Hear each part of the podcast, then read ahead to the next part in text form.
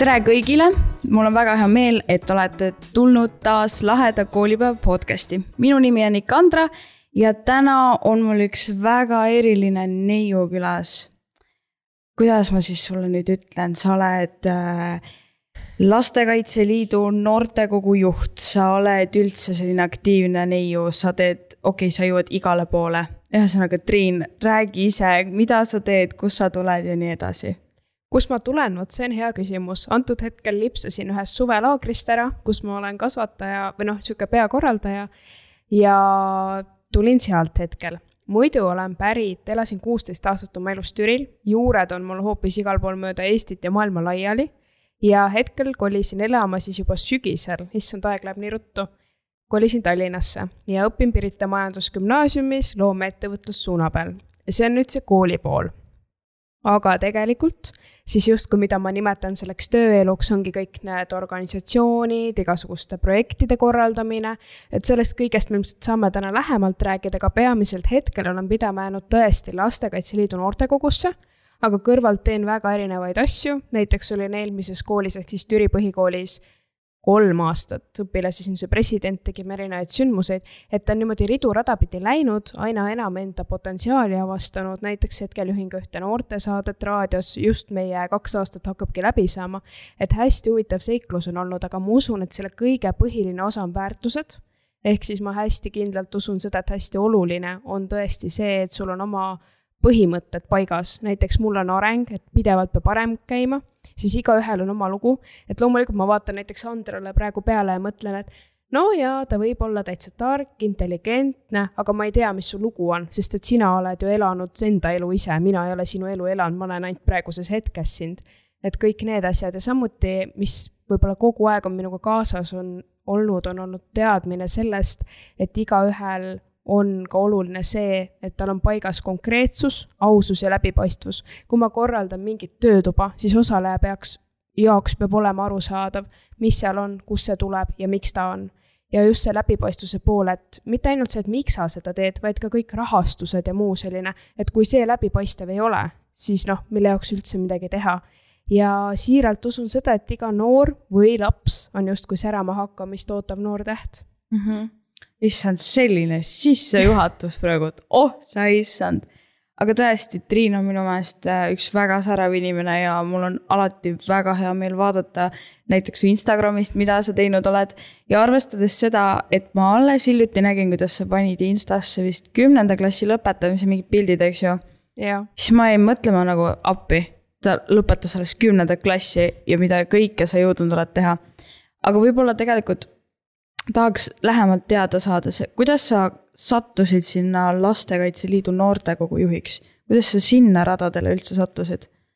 see on hästi huvitav, sest tegelikult ma ise juurdlen iga päev, et kas ma olen ikka see huvikaitse inimene ja üritad huvikaitse, ehk siis lühidalt on ju see ikkagi see seadustega tegelemine, et Eestimaa lastel ja noortel oleks ÜRO konventsiooni põhaselt kõik hästi ja tagatud, aga kui rääkida nii-öelda inimkeeli ja kõigile arusaadavalt, siis ongi see, et igaühe jaoks oleksid võimalused tagatud kuid kuidas ma sinna sattusin? vot see on hea lugu, no sind ma tean Tore kaudu. Ja minu enda areng saigi alguse, kui ma käisin neljandas klassis läbi Tore.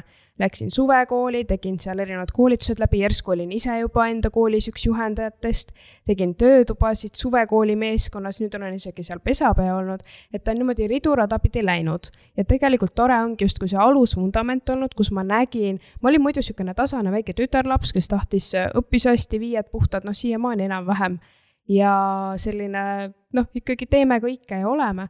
aga ühel hetkel ma taipasin seda, sattus Aili Avi mulle eesti keele õpetajaks, rääkis torest ja kõigest ja läksin sinna, teised olid küll minust vanemad, aga kuhu ma selle jutuga nüüd triivin, on see, et see alus. ehk siis, kui sa selle esimese sammu astud, ei ole vahet, kas sa varem tegelesid sada aastat ujumisega või hoopis tahad käsitöös kududa, vaid see, et sa astud selle esimese sammu ja sa märkad inimesi enda ümber ja sa hakkad aru saama, et tegelikult jaa, seal raamatus ma õpin ju teiste inimeste lugusid, aga kui inimene räägib mulle päriselt oma loo. ja sealt see hargnema hakkas, nii et üks hetk tulid projektid ja siis sain koolis õpilasesinduse presidendiks ja hakkasin järjest enam iseennast avastama ja seda päris mõtet asjadel. ja sattus nii, et läbi taaskord ühe projekti olin EF ehk siis National Eurochild Forum Eesti osa kaks tuhat kaheksateist oli see aasta, kui siis Lastekaitse Liidu noortekogu korraldas tolleaegne ja ma tundsin, et see kõnetas. Läksin sinna, nüüd kaks aastat oli umbes vaikus, siis tuli Lastekaitse Liitu niisugune uus hingamine ja ka Kristi Märk tuli sinna siis tööle noorte poolt koordineerima ja ta tegi ettepaneku, et mis sa arvad, kui teeks algust laste ja noorte meediaagentuuriga. hetkel me oleme poolteist aastat tööd teinud selle kõige nimel ja ei ütleks, et tuleb meediaagentuur, aga hoopis tuleb midagi muud ja uued suunad, sest et on näha, et see klassikaline noortekogu teema, et tuleme kõik laua taha, istume, ajame tarka juttu, see lihtsalt ei toimi, see tark jutt peab jõudma päris elusse. samal ajal, kui meil on hästi palju teisi katmata valdkondi, nii et ma ütleks, et mu teekond sinna oligi läbi teiste inimeste, läbi erinevate juhuste, sest et Eesti on päris väike, kui nüüd aus olla. ja sul on ainult üks võimalus jätta inimesele endast hea mulje. kui sa selle ära rikud, siis arvesta, et sellest üks koma kolm miljonit, mis on niigi väike arv, jääb siis veel vähem inimesi alles, kellega sa saad suhelda ja ma ütleks niimoodi, et ma läksin täiesti võõrasse klassi gümnaasiumis, ma ei teadnud sealt mitte kedagi, see oli teadlik otsus, ma tahtsin iseendale väljakutset pakkuda. ja ikka tuleb kuskilt välja, et ma ei tea, ühe vanaisaga on meil kuskilt sarnased juured ja, ja kõik see tuleb niimoodi kokku, nii et Eesti üks eeliseid tegelikult on ka see, et me oleme nii pisike riik ja meil on võimekus teada peaaegu kõiki või keegi teab ikka kedagi, kes. Nii et ühesõnaga see Lastekaitse Liidu noortekogu teekond ja see, et ma juhiks sain seal, ma ütleks, et see on üks paras surra-murra olnud, aga oluline on märkida neid väikseid majakakesi, miks ma sinna jõudnud olen, sest et see kui CV-dki praegu vaadata, seal on vist neli pikka lehekülge, ise mõtlen, et ossa, et kuidas küll, aga kui ma sellele päriselt otsa vaatan, siis sealt peegeldabki enim see, et ega ma ei oleks ju sattunud kuhugi projekti, kui ei oleks olnud inimesi. Ma toon hästi konkreetseid näiteid, seda mulli oskavad kõik ajada. no muidugi. ja mis ma olen ka tegelikult täheldanud, on see, et kui sa mingisugusest raamatust loed, et noh, sealt on ju kerge lugeda, kuidas sa praktikasse teed. et kui läksin Toresse, me tegime koolis üritusi, sest oli see moto, et noh, kui midagi on halvasti, tee ise paremini. ja alustasimegi väikeste killukestega.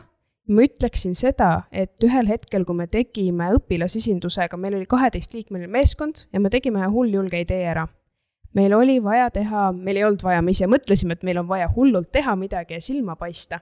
ja tegime õiepäeva, kogu kool oli koos, seal oli ligi kuussada inimest lõpuks, kõik vilistlased esimesest kuni üheksanda klassini olid rühmad. see tähendas seda, et terve koolipere oli koos. ja sel hetkel, kui need õpilased läksid uksest välja, neil nägu säras, sest nad õppisid tundma neid, kellega nad iga päev käivad koolis. aga sa muidu ei aruta ju selle üle, et näed, ma kirjutasin selle lilleõie peale, et ma olen tark. Aga miks ma tark olen? et ma oskan hästi mängida ja nende killukeste haaval see teekond tegelikult hakkab, kui sa näed seda sära silmis. ja mind hästi ajab alati naerma see, kui öeldakse, et jaa, et karjääriledel on see, et algul oled siin algtasandil ja siis lähed siia. aga kes sul keelab nagu otse siia minna, kui sa näed, et sul on nagu võimalus? see on hea idee, see on reaalselt hea idee, et minu meelest on ka kogu aeg nagu rõhutud seda, et, et äh, kogu aeg võtad nagu selliseid trepiastmekesi nagu läbi elu aga samas see on hea, et minna kohe sinna tippu vaata, et kohe sinna pürgida, et ma ei pea mõtlema, et aa, nüüd ma väikse astmekese teen, okei okay,, võib-olla jätan kaks taha nagu vahele mm. -hmm et äh, vot see on hea tähelepanek, mulle meeldib. ja tegelikult see noorte silmis see sära, seda on ka alati minu meelest väga tore vaadata. kui sa saad äh, midagi sellist teha, et, et see paneb tal selle silma särama. et see on ka mega vinge. ja ma tean ka seda, et, et kuna noh sa oled väga aktiivne ja teedki sajas erinevas organisatsioonis mingit asja, aga tegelikult väga suur töö on ju vabatahtlikul tööl. et sa oled olnud igal pool vabatahtlik. võib-olla sa natuke näitad ka meile seda maailma, et kuidas sina vabatahtlikuna oled siis nagu tõusnud ja mis väärtusi ja mis kogemusi tegelikult see on andnud sulle? just, tegelikult iga kord, kui keegi ütleb vabatahtlik töö, mul on niisugune tunne, et juuksed lähevad nagu halliks, mis sest, et ta natuke juba on värvitud ja käed hakkavad kohati värisema, sellepärast et see on nii tugev sõnapaar, aga teda tihti tõlgendatakse valesti. sina tõlgendasid teda minu arvates, see on nagu minu vaatenurk hetkel täiesti hästi. aga tihti arvatakse, et see vabatahtlik töö on see, kui sa lähed spordivõistlusele, annad talle selle väikse spordijoogi, näe, jookse edasi, nii tubli oled. aga tegelikult see vabatahtlik töö, ma ütleks, et see võiks olla täpselt samal tasandil nagu iga teine töö. ja miks ma kohe jõuan selleni taaskord puht sellepärast, et kui sa selles vabatahtliku töö asjas keerled ja keerled, sa saad aru, et sa pead seda tegema kirega. meil on Eestis praegu ju see hetk, kus ikkagi neljakümne, viiekümne aastased samamoodi tunnevad, et ai, läks vist kunagi valesti, tegelikult see ei ole ikka minu eriala. aga siit tekibki see, et kui sa näiteks saaksid otsustada, et ma tahan minna õpetajaks, aga kas ma teen seda vabatahtlikult, ehk siis kas see paneb sul silma särama. Ja minu meelest vabatahtliku töö juurde saabki panna võrdlusmärgi see, mis sul paneb silma päriselt särama ja minu enda kogemused tõesti on olnud päris pikad, ma alati vihkan seda mina vormi puht sellepärast, et ma tean, et üle Eesti on nii palju ägedaid sädemeid, keda lihtsalt tuleks üles korjata ja neid esile tuua. aga võib-olla, mis seda kõike ühendab või kust ma teinud olen või miks ma teinud olen, siis vabatahtlik töö hõlmab endas ikkagi seda, et kui sa lähed kuhugi organisatsiooni, oletame, või sa lähed mingile sündmusele, siis sa leiad sealt inimesed, kelle kaudu sa saad edasi minna jah, ma ei poolda onupojapoliitikat ja seda ma olen alati ka kõigile öelnud, et see peab olema puhtalt isikuomaduste põhjal, et sa kuhugi jõuad ja miks sa jõuad. aga kui me jõuame ikkagi selleni, et mis inimesed ja kuidas, just kui ma täna siia ka sõitsin, ma vaatasin välja ja vaatasin, et tegelikult, kui su ümber on inimesed, näiteks seesama õpilasesindus, seesama huvialaring, seal on puud, on ju, metsas kasvavad ja need, mis kasvavad kõik hästi koos, nemad kasvavad pikkusesse sellepärast, et sa tahad alati kõrgemale pürgida. aga kui sa oled üksikpuu välja peal, siis nemad ju lähevad laiali. tegelikult on inimestega samamoodi, kui sa jääd selleks üksikuks hundiks, siis sa lähed lihtsalt laiali ja su teadmised on piiritud, sa oskad ristsõna lahendada ja Rubiku kuubikut panna ühe sekundiga kokku. aga kui sa nagu päriselt kasvad, sa kasvadki kõrgustesse, sa tahad kogu aeg teistest kõrgem olla, olgem ausad mm. -hmm. see on ka hea tähelepanek. et jah, nii ta kulgeb, aga võib-olla minu üks valusamaid vabatahtliku töö kogemusi oli see, kui ma olin kohalikus noortekeskuses ja kui seal tõlgendati ikkagi vabatahtlikku tööd sellisena, et sa lähed ja annad kuskil, jagad mingeid õunakesi ja, ja teed mingeid martsipanikujukesi, et justkui see näiline, näiline kaasamine oli seal hästi tugev. ja peale seda ma olengi üritanud ka enda tegevustes näiteks midagi korraldades või tehes järgida seda aspekti, et ükskõik, kas see on vabatahtlik töö või mitte või mida see üldse endast kujutab, aga päriselt panna tähele seda, et kas sa kaasad või see on näiline kaasamine. ole hea, pane see poster seina peale mm. -hmm. see ei ole vabatahtlik töö, andkem andeks, aga tihti seda tõlgendatakse niimoodi. nii et nüüd me tuleme sellest mustast kastist välja ja jõuame sinna, et tegelikult ju vabatahtlik töö on see, mida sa teed kirega. ja minu puhul näiteks ongi olnud hästi tugevaks kire aspektiks see, kui ma näen, et see aitab kedagi teist õpilasesinduses me võtsime isegi neid noori sinna, kes koolis ei paistnud silma, neil olid kolmed-kahed. mõtlesin, et kaks kuud proovime, välja sa saad inimesi alati visata. täpselt samamoodi, mul on hetkel siin hea eeskuju märk rinnas, ma saan selle iga kell ära võtta. aga seda, et see välja teenida, et ma selle tagasi saan panna, see on ju omamoodi teema juba. ja kui nüüd tulla tagasi nende noorteni, siis kui sa annad neile võimaluse, siis sa tegelikult näed, kuidas nende kirg süttib. Ja ma märkasin ka iseenda loos seda kui näiteks sealsamas tore suvekoolis ma järsku hakkasin särama ja ma tahtsingi töötuba ja kõike teha. ja nüüd on see lugu, et ma olen vist kaks nädalat järjest käinud, teinud igasuguseid töötubasid ja muud sellist, et see läheb pallina veerema. aga hästi oluline on see, et sa ise selle juures särad. kui sa ei sära, siis sa ei saa ka teisi särama panna mm. -hmm. mul on tegelikult väga hea meel, et sa tõlgendad nagu vabatahtlikku tööd just nii, nagu sa just rääkisid, et et, et sa kaasad inimesi ja tegelikult on küll väga palju näha seda, et vabatahtliku tööna võetaksegi seda, et nii, sina nüüd tassidki ainult asju ja nii on. et mul on vaja kedagi, kes on kastitassija ja, ja minu meelest, ma mäletan, mul on ka olnud selline kogemus, kus ma olin ühel võistlustel, olin vabatahtlik.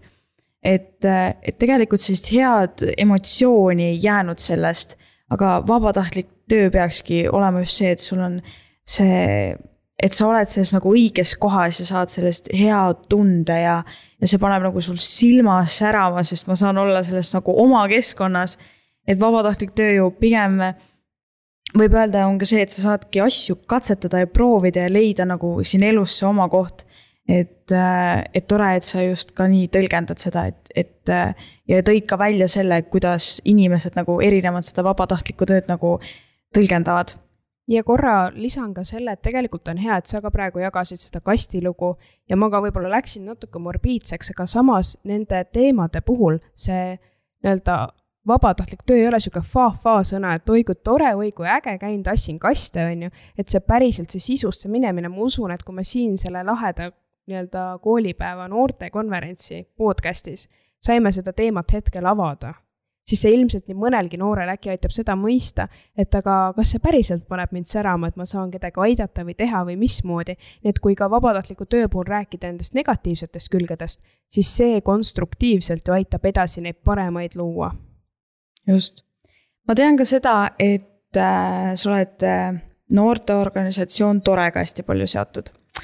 ja ma mäletan, et ühel tore konverentsil tegid sa ka ühte töötuba kus sa rääkisid, kui ma nüüd õigesti mäletan, ma võin valetada ka, aga ma loodan, et ma mäletan õigesti, rääkisid sellest äh, just ürituste ja sündmuste korraldamise poolest. praegu, kui palju sa oled veel selle teemaga seotud, et sa mingeid üritusi või sündmusi aitad korraldada? tead, kui ma aus olen, siis ürituste, sündmuste korraldamine on mu kirg, kui ma saan ise olla üks äh, sihuke tugev korraldaja mm. -hmm aga enam ma sellega nii palju ei tegele, sest Lastekaitse Liidu noortekogu juhina ma üritan neid võimalusi iseendale luua. vabatahtliku töö puhul on üks hea külg veel, sa saad ise omale võimalusi luua, teha, mässata, möllata, eriti alaealisena. ja ma usun, et täiskasvanuna juba ka. aga kui me sealt kaugemale jõuame, siis päriselt enam väga ei tee aga tookord seal tore suvekool, see ei olnud suvekool, see oli konverents, on ju, kus me tegime seda töötuba, siis seal juba ma olin päris palju erinevaid sündmuseid teinud, see võis olla kuskil seitsmes klass, hetkel kümnes, ehk siis neli aastat tagasi. no,, päris vanad juba ütleks, on ju. aga sel hetkel oli tõesti väga palju sündmuseid ja need sütitasid, kui sa ühe sündmuse teed ära me tegime koolis erinevaid Hello Marte, kus olid neljas kuni viies klass, no Halloween ja mardipäev koos, hoiame mõlemat traditsiooni, sõbrapäeva teemad, projektipäevad, aga kõige olulisem on see, et kui su sündmusel ei ole mõtet, siis ära tee seda, jäta see asi ära, jäta see infomöll ära, palun. kui sul on sündmusel tugev eesmärk, ole hea, tee. Ja see on kõige suurem kiirtee edasi. mis mulle endale on alati pirni hästi põlema pannud, on see, kui sa saad inimesi töötubadesse kutsuda kõige kurvem on võib-olla see, et tihti korraldajana sa igasse töötuppa ei jõua. aga just näiteks Kätlin Rohilaid Aljaste, kes on hästi tugeva missiooniga inimene, ta on käinud erinevates laagrites rääkimas, ta iga kord räägib erinevatest teemadest. Enda ettevõtluskogemusest ja igale koolilapsele arvutialgatusest kuid tema puhul sa näed, et ta kiirgab, aga kui sa näed, et selline inimene saab seda kiirgust jagada teistele, siis see sütitab ehk siis läksin sellest küsimusest väga-väga kaugele, aus vastus on see, et ega enam väga palju ei tegele, et pigem kutsutakse juba teiste sündmustele, siis sa saad mm -hmm. vaadata, kuidas keegi midagi lahendanud on. aga hästi huvitav on tegelikult, mida ma tahaks noortele südamele panna. Ja mida mulle andnud Monika Kusmina ehk siis Good Newsi asutaja edasi, on see, et alati kõige oluline, kui sa kutsud oma sündmusele ajakirjanikud, neil peavad olema kõige-kõige paremad võimalused toit, söök ja nii edasi, sest et nende käes on pliiats, nemad loovad selle maine, mis su sündmusele pärast tuleb. et tihti võime arvata, et jaa, osaleja heaolu on väga oluline, kas ta tuleb järgmine kord tagasi või mitte, aga sellest ajakirjaniku sulest või sellest, kes su sündmust kajastab fotode või videote näol, oleneb see, kas sinna tuleb üldse inimesi juurde. ja kas sa vaatad kümne aasta pärast tagasi, et oi, kui äge sündmus oli mm, -hmm. või sa vaatad lihtsalt pilte, kus osalejad on malbete nägudega, kuulavad ettekandeid et just nende asjade kokkukogumine ja järsku neid rakendamine, et ma usun, et kui sa oled oma elus teinud hästi pikalt, nagu ma tegin kolm-neli-viis aastat neid sündmuseid, hästi erineva kaliibriga, aitasin õpilasliidule üldkonverentse ja üldkoosolekuid teha, siis tegelikult peale seda sa järsku saad aru sellest nii-öelda valdkonna sellest ja sa oskad võib-olla midagi rohkem soovitada. Mm.. see on hästi põnev teekond üritusi teha, aga nende puhul on ka üks pool see, et arvesta sellega, kes on su meeskonnas, mina olen see, kes ma teen viimasel minutil asjad ära ma tunnen, et mul peab pinge peal olema, ma ei jäta küll päris viimasele, aga pinge peab peal olema, kui pinget peal ei ole, siis mina näiteks ei tegutse, siis ma lihtsalt vaatan seda arvutiekraani, mõtlen, et okei okay,, äkki on mõni hea Türgi seebikas hetkel kuskil järelvaadatav, et meelelahutuseks, kuni siin natuke pingelisemaks läheb mm. -hmm. et selliseid inimesi on ka vaja, aga on ka neid vaja, kes ongi, kes teevad varem asjad ära vot mina olen see, kes just tahab nagu pigem need mm -hmm. asjad varem ära teha, et mul on see nagu see kindlustunne et eh, kui nagu läheb sellise viimase minuti peale, siis ma tunnen, et, et võib-olla see pinge on minu jaoks nagu liiga suur. just, aga see ongi hea, kui sul on meeskonnas vaata mõlemat sorti, et need ülesanded, mis sa tunned, et noh, see viimane öö või midagi, et loomulikult kõike, kui sa oled peakorraldaja, siis sa pead mõlemat haldama, õnneks see on ka käpas enam-vähem juba mm. -hmm. aga just see tunne, et kui sul on see pinge peal, aga samas on oluline mõista neid, kes vajavad aega ja hästi tihti on noorteürituste puhul mul kurb kõrvalt vaadata seda, kui sa näed, et see meeskonnajuht, olgu ta noorsootöötaja, huvijuht, kõige parem on, kui ta on noor ise, noored ise oskavad väga hästi planeerida. aga siinkohal panekski täiskasvanutele südamele selle, et kui võib-olla täiskasvanu eeldab, et tema on ürituseks koordineerija, noored on paadis nii äge, siis kaasa neid päriselt ja isiksuse põhjal. jaa, ma mäletan ka põhikooli aeg oli, siis äh, ma sain endale koolis sellise nagu hüüdnime, väike huvijuht.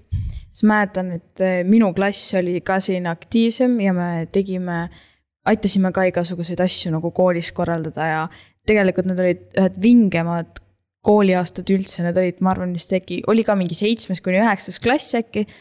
ja need on kõige eredamalt mul meeles, mida me tegime, kuidas me tegime, kuidas me isegi need väiksed asjad, mingid toolide tassimised, laudade tassimised, isegi need olid toredad, sest nagu see meeskond oli juba nii vinge. ja tegelikult kõigile nagu meeldis teha ja huvijuht oli, ise oli sellist äh, positiivsust ja kõike täis ja talle täiega meeldis, kuidas nagu noored askeldasid.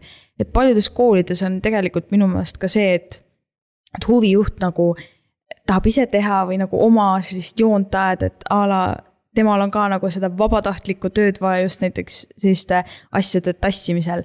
aga just nagu sellist äh, kaasamist, et mõtleme koos ja teeme koos, et seda päris palju tegelikult äh, ei ole. et äh, peab ikka väga selline, ütleme nii, et noh, halb on võib-olla öelda hea huvijuht, aga võib-olla just sellist inimest, kes tahab noortega nagu jagada. säde inimest on vaja ja hästi tugevalt mina olen küsinud, eriti viimastel aastatel erinevate koosolekute ja laudade taga, kuna ma olen kokku olnud nüüd ligi kolmeteistkümnes kuni viieteistkümnes organisatsioonis. see kuni tuleb sellest, et lihtsalt mingisuguste asjadega tekib see, et ma ei mäleta seda aega, kui ma olin seal kolmas-neljas klass, et mida ma siis veel tegin. kuna sealt see pillerkaar hakkas justkui pihta või mm -hmm. kuidas Ameerika mäed või midagi sellist ägedat, mis siia sobiks praegu klišeena. ja hetkel ma loomulikult osades olen edasi, et ma ei ole neid vahetanud nii palju, aga niimoodi aegade jooksul on kuid nende huvijuhtide kõige koha pealt tegelikult ei ole asi ainult huvijuhis, asi on ka tegelikult suuremal tasandil noorte kaasamises. kas me küsime mis te arvaksite, kui juba tegu on tehtud, me küsime, mis te arvate, siis kui on alles otsustusprotsess mm. -hmm. ja see kaasamine, hästi palju olen viimasel ajal kuulnud seda, et noh, see ongi noorte kaasamine raske. aga tegelikult, kui sa ise raskeks mõelda, siis see ongi raske. iga asjaga on ju niimoodi, et ma praegu vaatan ka sulle näiteks silmadesse siin, räägin enda lugu või üldse seda, et kuidas miski, võib-olla ma loodan, et see podcast kedagi aitab ja kui ma vaatan, ma mõtlen ka, et okei okay,, ta, teda vist nagu kõnetab, vahepeal naerab, muigab, aga noh, otseselt ma ei tule ju seda sinult küsima mm, -hmm. aga hästi osavalt tulebki sind snorgeldada ja vaadata, kuidas su jutt läheb. ja ma usun, et seda oskust saab igaüks endast treenida, siin tuleb ju mängu analüüsioskus.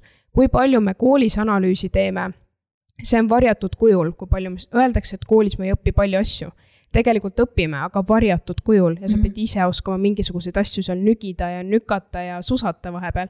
sest näiteks raamatuanalüüsid jaa, paljudele ei meeldi lugeda, see on arusaadav, aga ole hea, vaata film ära. jah, sa ei pääse sellest lugemistestist läbi ja sa pead nagunii selle Kalevipoja läbi lugema, anna andeks. aga kui sa vaatad kasvõi selle filmi ära, sa õpid oma elus asju seostama. mul oli just kaks nädalat tagasi hetk, kus ma vaatasin telekat, ma muidu väga ei vaata mm, -hmm. üks hästi armas film tuli ühest perekonnast, kellel oli siis ema oli ära surnud ja siis see mees ja laps kolisid teise linna.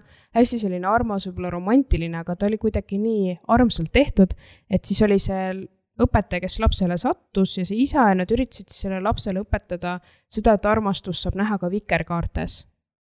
ja see oli nii, noh, see ei ole kuidagi seotud mingisuguste ühingute ja, ja kõige muu sellega, vaid see oligi lihtsalt asi ilmastiku nähtuses kui vikar, vikerkaares mm. -hmm. ja see lugu jutustati kuidagi nii armsalt et see kõnetas, ehk siis nende analüüsi asjade märkamine. hiljuti lugesin ka ühte head raamatut sellest ühest naisest, kes oli viljatu ja kuidas ta selle kõigega toime tuli. noh, väga huvitav teema praegu noorte podcast'ist, aga tegelikult sel hetkel ma õppisin märkama enda ümber neid inimesi, kes võib-olla ongi oma elus väga muserdunud, aga sa ei tea mitte kunagi seda põhjust. Sa ei tea, miks ta viiekümne aastasena kibestunud on või miks ta sulle just praegu midagi sellist nähvas, et ah, sa oled ju noor, ise tead, mis sa teed mm. -hmm. et kõikide nende killukeste kokkutoomine, et võib-olla see näide oli natuke liiga kardinaalne, aga samas, kui ka inimene tuleb tänaval vastu, et märgata seda või mõelda. jaa. et see analüüs peab olema tugev ja sündmuse korraldamisel just praegu ka see suvelaager, mis me teeme, on üle kahekümne osaleja. Ja ettekande ajal sa ikkagi, kui nad seal kuulavad esinejat, siis korraldajana sa pead ära kaardistama, kas, mis asendis ta on, jah, ma ei poolda seda, et näed, sa oled nüüd suletusasendis niimoodi või sa ennast kehtestavas, aga sa näed ära selle, mis on silmavaade. Ja need oskused tulevad ja ausalt öeldes ma ütleks, et see inimeste lugemise oskus tuleb nii ruttu kätte, kui sa asju teed ja korraldad ja see aitab nii palju elus edasi see aitab kasvõi sellega, kuidas sa õpetajatega suhtled, kui sul on näiteks selline olukord, et sa pole aktiivse elu tõttu kooli ammu jõudnud, tahad töid järele teha, aga kuidas sa seda teed või kuidas sa lähed, kas sa lähed lihtsalt, et aa ei, ma olen nii aktiivne ja tubli, et mis mõttes sa ei lase, vaid sa lähed ja räägid rahulikult, niimoodi mm -hmm. sujuvalt, et need oskused tulevad. Muide selle aktiivse asjaga just nagu see viimane jutt, sa ütlesid, et, et sa oled aktiivne, näiteks tahad kooli asju järgi minna tegema. ja kuidas äh, õpetajad vahest äh, suhtuvad mõnes mõttes. ühelt poolt nad on nagu tänulikud, ütleme, et sa oled see koolis aktiivne, aga teiselt poolt nad jälle, nad vaatavad sind võib-olla veidikene kuidagi teistmoodi. mul isiklikult on olnud selline kogemus, kus äh, mu oma klassijuhataja ütles, et, et miks sa siin koolis oled. siis ma mõtlesin nagu, et, et, et mis mõttes, et, et ma tahan õppida, ma tahan ennast arendada, mul on vaja. mõnes mõttes mul on vaja näiteks neid pabereid, et näiteks ma olen lõpetanud selle põhikooli. ja siis ta oli, et, et aa, sul ei ole niikuinii vaja nagu õppida, et, et sa tegeled ju selle huvitegevusega. et miks sa õpid ja ma, mul on nii meeles see, kuidas ta nagu ütles seda, et aa, sa proovid sinna kooli minna või? aa noh, jah, mine jah, seal on see huvitegevus nagu nii suur, et sul, sa niikuinii õppida ju ei taha. et nagu selline võib-olla sildistamine tookord öö, oli minu jaoks nagu võib-olla veidi liig, et, et jaa, et see õpetajate suhtumine on ka nii erinev ma ei tea, miks ma seda rääkima pidin, aga mul nii kuidagi tuli see meelde, et see suhtumine nii õpetajate ja õpilaste vahel kõik. tulebki kohe välja öelda, kui midagi Jaa. tuleb nende asjade puhul, siis tõesti noh, mul on nüüd kahe erineva kooli kogemus ja eelmises koolis ma olin nagu noh, selles mõttes, et tegin ka koolis asju, gümnaasiumis mõtlesin, ma esimene aasta puhkan kogu sellest õpilasesinduse asjast ja vaatan, kuidas seal üldse asi käib. sa ei saa minna võõrasse kohta oma seaduseid tegema, vaid sa pead vaatama, kuidas seal miski sujub ja siis sa saad hakata muudatusi sisse lükkama. mitte muudatusi, vaid alati on kaval öelda, mida saaks veel paremini teha või mida saaks arendada edasi. et näed, see on hea idee, aga äkki pöörame seda natuke siiapoole, et siis tuleks ju see lisavõnge ka sisse mm. -hmm et hästi kavalad nipid, aga eelmises koolis ka oli hästi huvitav see, et ma lõpetasin üheksanda klassi kiituskirjaga, aga mul oli kakssada viiskümmend neli puudumist kogu aasta jooksul. ossa poiss. ja Oi. oligi niimoodi, et õppisin kodus, mingis mõttes see karantiin oli justkui kingitus, sest lõpuks hakati mõistma ka neid õpilasi, kes käivad koolis ja sa õpid ja teed, aga sa saad kiiremini asjad valmis. sa saad Mhm. iseseisvalt õppida. Ja minu puhul oligi see, et ma õppisin põhikoolis vähemalt ja niimoodi, et ma õppisin kodus need siis asjad ära, õhtul teadsin, ma lähen järgmine päev vastama, ma lähen kooli järgmine päev. ma tegin need asjad ära, ma sain puhta viie Mhm. aga samas oli mingite töödega see, et kui ma tegin seda koolis, mul jooksis juhe kokku, sest sa elad kogu aeg selle kooli elu sees. Mhm. kogu aeg sa oled justkui kinni, sest minu meelest ongi kõige parem edukalt õppimise nipp on see, et sul peab olema tasakaal. täpselt see, mis noh, näiteks mina olen enda jaoks leidnud selle, et töö, eraelu, kool. Igal nädalal peavad need olema tasakaalus, aga näiteks kui eraelu jaoks ei jää keset nädalat aega, siis ma võtan selle aja kas siis reede õhtust, laupäevast, pühapäevast tagasi Mhm. ja need asjad tasakaalus hoides ma ütleks, et see viib palju rohkem sihile. ma loomulikult ei saa rääkida nende eest, kes ongi harjunud õppima, see ongi okei okay,, et nad elavadki olümpiaadid, võistlused ja see on väga hästi. aga sel juhul ikkagi ma arvan, kui sa tahad täisväärtuslikku elu elada, siis ei aita ainult tervislik toitumine, vaid terviklik eluviis. Mhm. et hästi huvitav on jah, et see toidupüramiid ja kõik arvatakse, et see on õnne alus. õnne alus on igaühel erinev, aga terviklik eluviis on ju tegelikult see, mis sind edasi viib, sest see söök on, ma ütleks sel juhul teisejärguline asi. kui sa tunned, et sul on lähedased, et sa, miski paneb sind särama, koolis sa pidevalt arened, see aju mõttetöö ja kui nüüd õpetajateni jõuda, siis gümnaasiumis ma enam ei tunneta näiteks seda õpetajate poolset väga suurt kriitikat, et pigem on just see, et nad noh, võtavad seda justkui enesestloomulikuuna. et justkui tundub, et kas siis on koolide vahe või mõnes mõttes ma ei usu, et on koolide vahe, et pigem on see, et mismoodi sa ka ise neid asju võib-olla esitled, presenteerid, et ka see pool, et neid on hästi palju erinevaid lükkeid, aga sellist lugu ma veel ei olnud kuulnud, nagu sa ütlesid. et sa võid ju seda huvitegevust teha, aga tegelikult kool ikkagi annab sulle mingi tasandi. põhikool on oluline vundament, sealt tulevad ju ka kõik inimsuhted ja draamad ja mis sinna pubekaaega nii-öelda jäävad mm. -hmm et vabatahtlikus töös ikkagi peame me ju kõik oluliseks seda, et sul on see kirg, mis särama paneb. aga võib-olla koolis sa mõne õppeaine näol saadki aru, et okei okay,, ma ei taha, et see, oletame võtame mingi organisatsioon X, et see organisatsioon X, see mind väga ei kõneta, nagu näiteks bioloogia mm. -hmm. ja sa saad aru ja sa saad luua seoseid, et see seoste loomine, see tuleb väga-väga kasuks sa mainisid, et sa oled vist umbes viieteistkümnes erinevas organisatsioonis olnud ja mässanud ja teinud. aga ütle mulle, kust sina saad selle motivatsiooni ja selle inspiratsiooni, et ma tahan nüüd veel midagi uut? kus see, kus see tegelikult sul üldse alguse sai? okei okay,, neljandas klassis sa läksid sinna Toresse. see oli ainult alus. see oli alus, aga kus sa kogu aeg said seda eh, motivatsiooni, inspiratsiooni, issand, mul läks juba keel sõime kust sa said seda nagu ma tahan teha, ma tahan katsetada, ma tahan näha, et kust sul tuleb selline sisemine jõud, kust sa võtad selle? noh, ma ei saa öelda, et see on nagu kapsavahe lehe alt leitud vahe sealt kuskilt niimoodi. ma ütleks, et see tegelikult tuleb hetkedest. sest et esimese asjana tulevad meelde hetked. kui sa kirjutasid mulle, et kas ma tuleksin rääkima, siis sa kirjutasid eile ka, et räägi mõni naljalugu mm. -hmm ja, ja siis ma jäin mõtlema, et ühtegi konkreetset sellist naljalugu ei olegi, sest et on mingid hetked, kus sa lihtsalt purskad naerma täiest hoost ja sa naeradki.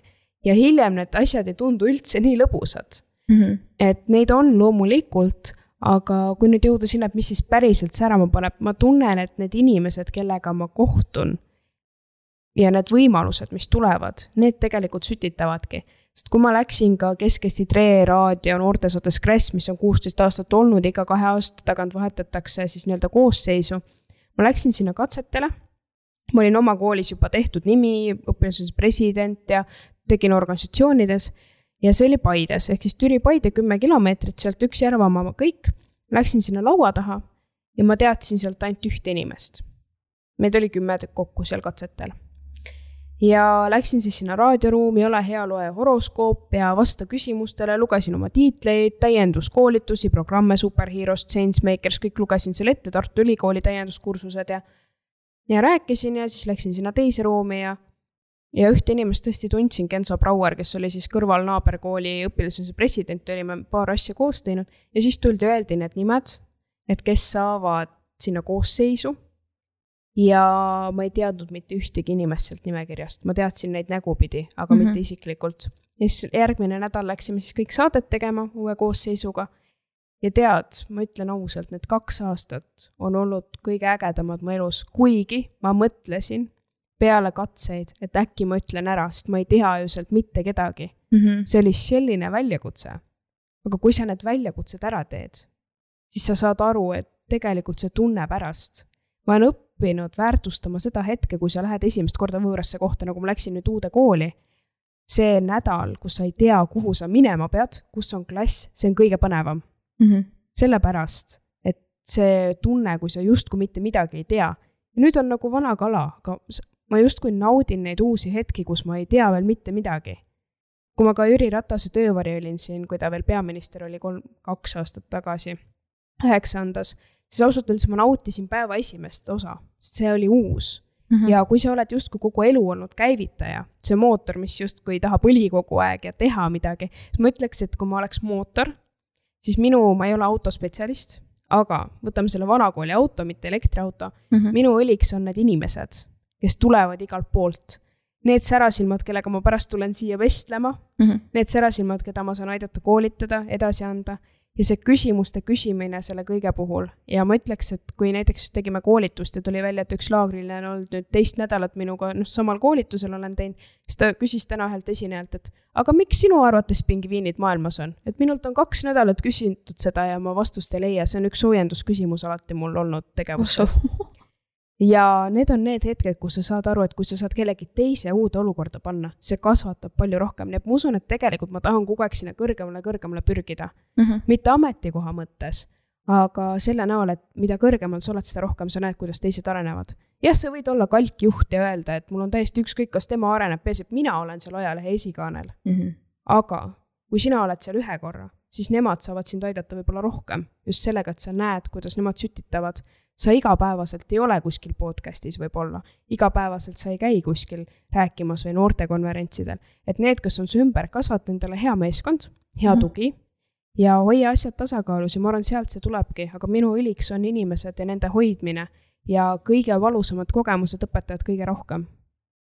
mul on nii hea vaadata, kuidas sul see silm särab, kui sa sellest kõigest räägid ja kas ma võin julgelt väita, et, äh, et sina oled nagu siin elus leidnud nagu need oma asjad, võin ma väita sellist asja?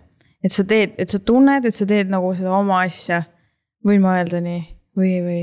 ma usun, et sa võid seda öelda poole kohaga. poole kohaga, okei kohaga. teeme null koma viis kohta. elu on loodetavasti veel pikk, aga selle seitsmeteistkümne elatud siiamaani aasta jooksul seitseteist ja pool, ma tunnen seda, et ma avastan aina enam uusi asju kogu aeg. ma ei oleks kujutanud ette, et ma lähen kuhugi sündmusele koolitama noori mingitel teemadel, et ma töötan ise meetodeid välja, sest need lihtsalt tulevad käigu pealt. ma arvan, et ma veel ei ole seda päriselt leidnud Mm -hmm. aga miks? kõige lihtsam vastus sellele on see, et kui sa kire üles leiad, siis mida sa edasi teed? Vot see on ka hea, vot, vot niipidi ma jälle ei ole mõelnud. see on, et see on kogu aeg, mille poole pürgida, ennast arendada Jaa. ja kui sa niimoodi edasi lähed või ma võin nende näppudega siin viibelda, öelda, et ja nii võiks teha ja nii. aga kõige parem on avastada ise oma rajad, õppida ajaloost neid, kelle lood on kehvasti läinud. ja siis sa järsku mõistad, et võib-olla mu kirg ongi see, et ma katsetan kogu aeg uusi asju, aga sa ei saa kogu aeg uusi asju katsetada, pane omale CV-sse, otsin uusi väljakutseid, ma tahan näha, mida see tööandja sulle ütleb. aa, okei okay,, uus väljakutse, üks õpetaja tõi hea näite, üks kuu oled, järgmine kuu siis ei tea või? Vaid pidevalt ikkagi ole kuskil rütmis sees, et see tema tabav võrdlus, noh, see oli mingi suvalise jutu sees ja rääkis tunni teemat, karjääriõpetus vist oli, et me üldse ei puudutanud selliseid asju.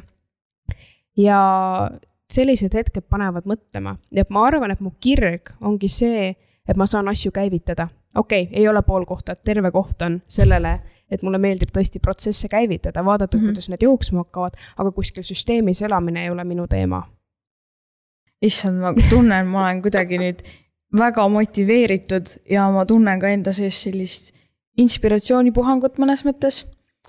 aga tegelikult äh, tulles korra tagasi siia laheda koolipäeva äh, raamesse, siis äh, ma tahaks küsida su käest ühe küsimuse. küsi. mille üle oled sina täna tänulik? tänasel päeval, tegelikult ma võtaks seda ajajärku täna pikalt, sest et täna on justkui see elatud elu, homme oleks see, kui ma oleks kuskil matusel juba on ju kirstus. kõlab hästi musta mõttena, aga täna päriselt ma olen õnnelik selle üle, kui ma saan õnne ja rõõmu paljundada. Ja see ei ole lihtsalt see nii-öelda fa-fa, kõik on äge, naudime reede õhtut või mingi muu selline vaid tegelikult see on see, kui sa saad aidata kaasa iseenda arengule ja teiste arengule, nii et ma arvan, et kõige tänulikum olen ma täna võimaluse eest, et mul on võimalik aidata kaasa Eesti laste ja noorte osas ja päriselt aidata kaasa nende arengule. ja see on see, kus sa saad midagi paljundada. Minu meelest paljundamisrõõm seal printeri juures on alati kõige suurem, sa näed, et seda tuleb mm. -hmm. aga mida rohkem sa saad neid lehti paljundada siis seda enam see inimene saab panna selle lehekülje, kas sa oled siis teda, temaga korra vestelnud, ta saab selle panna oma eluloo raamatusse. see üks väike leheke ja kui sa seda saad iga päev paljundada iseenda lehte ja see läheb aina enam teiste raamatutesse, siis see paneb ka teistmoodi elu elama midagi ja selle üle tasub tänulik olla. Teate, see Triina ajab mul nuppu praegu. Need on lihtsalt kuidagi nii kuldsed sõnad ja kuidagi nii südamelähedased hetkel mulle ja mul on nii hea meel vaadata, et, et meie seas sa oled seitseteist alles, halloo, sa oled seitseteist ja sul on sellised mõtted nagu täiesti lõppema hakanud nutma praegu. aga. Pida, pidama jääda, sest et äh, paberit meil on vett siin. meil, ei, et sul vett, vett. tuleb juba me... nii, et. Aga mul on nii hea meel, et sa tulid, rääkisid. Ma loodan, et need, kes kuulavad, vaatavad seda podcast'i, et, et nad on sama inspireeritud kui mina ja motiveeritud, ärge teie nutma hakake aga mul tõesti, Triin, suur aitäh sulle, et tuli. Ja teistega kohtume juba järgmises episoodis. tšau.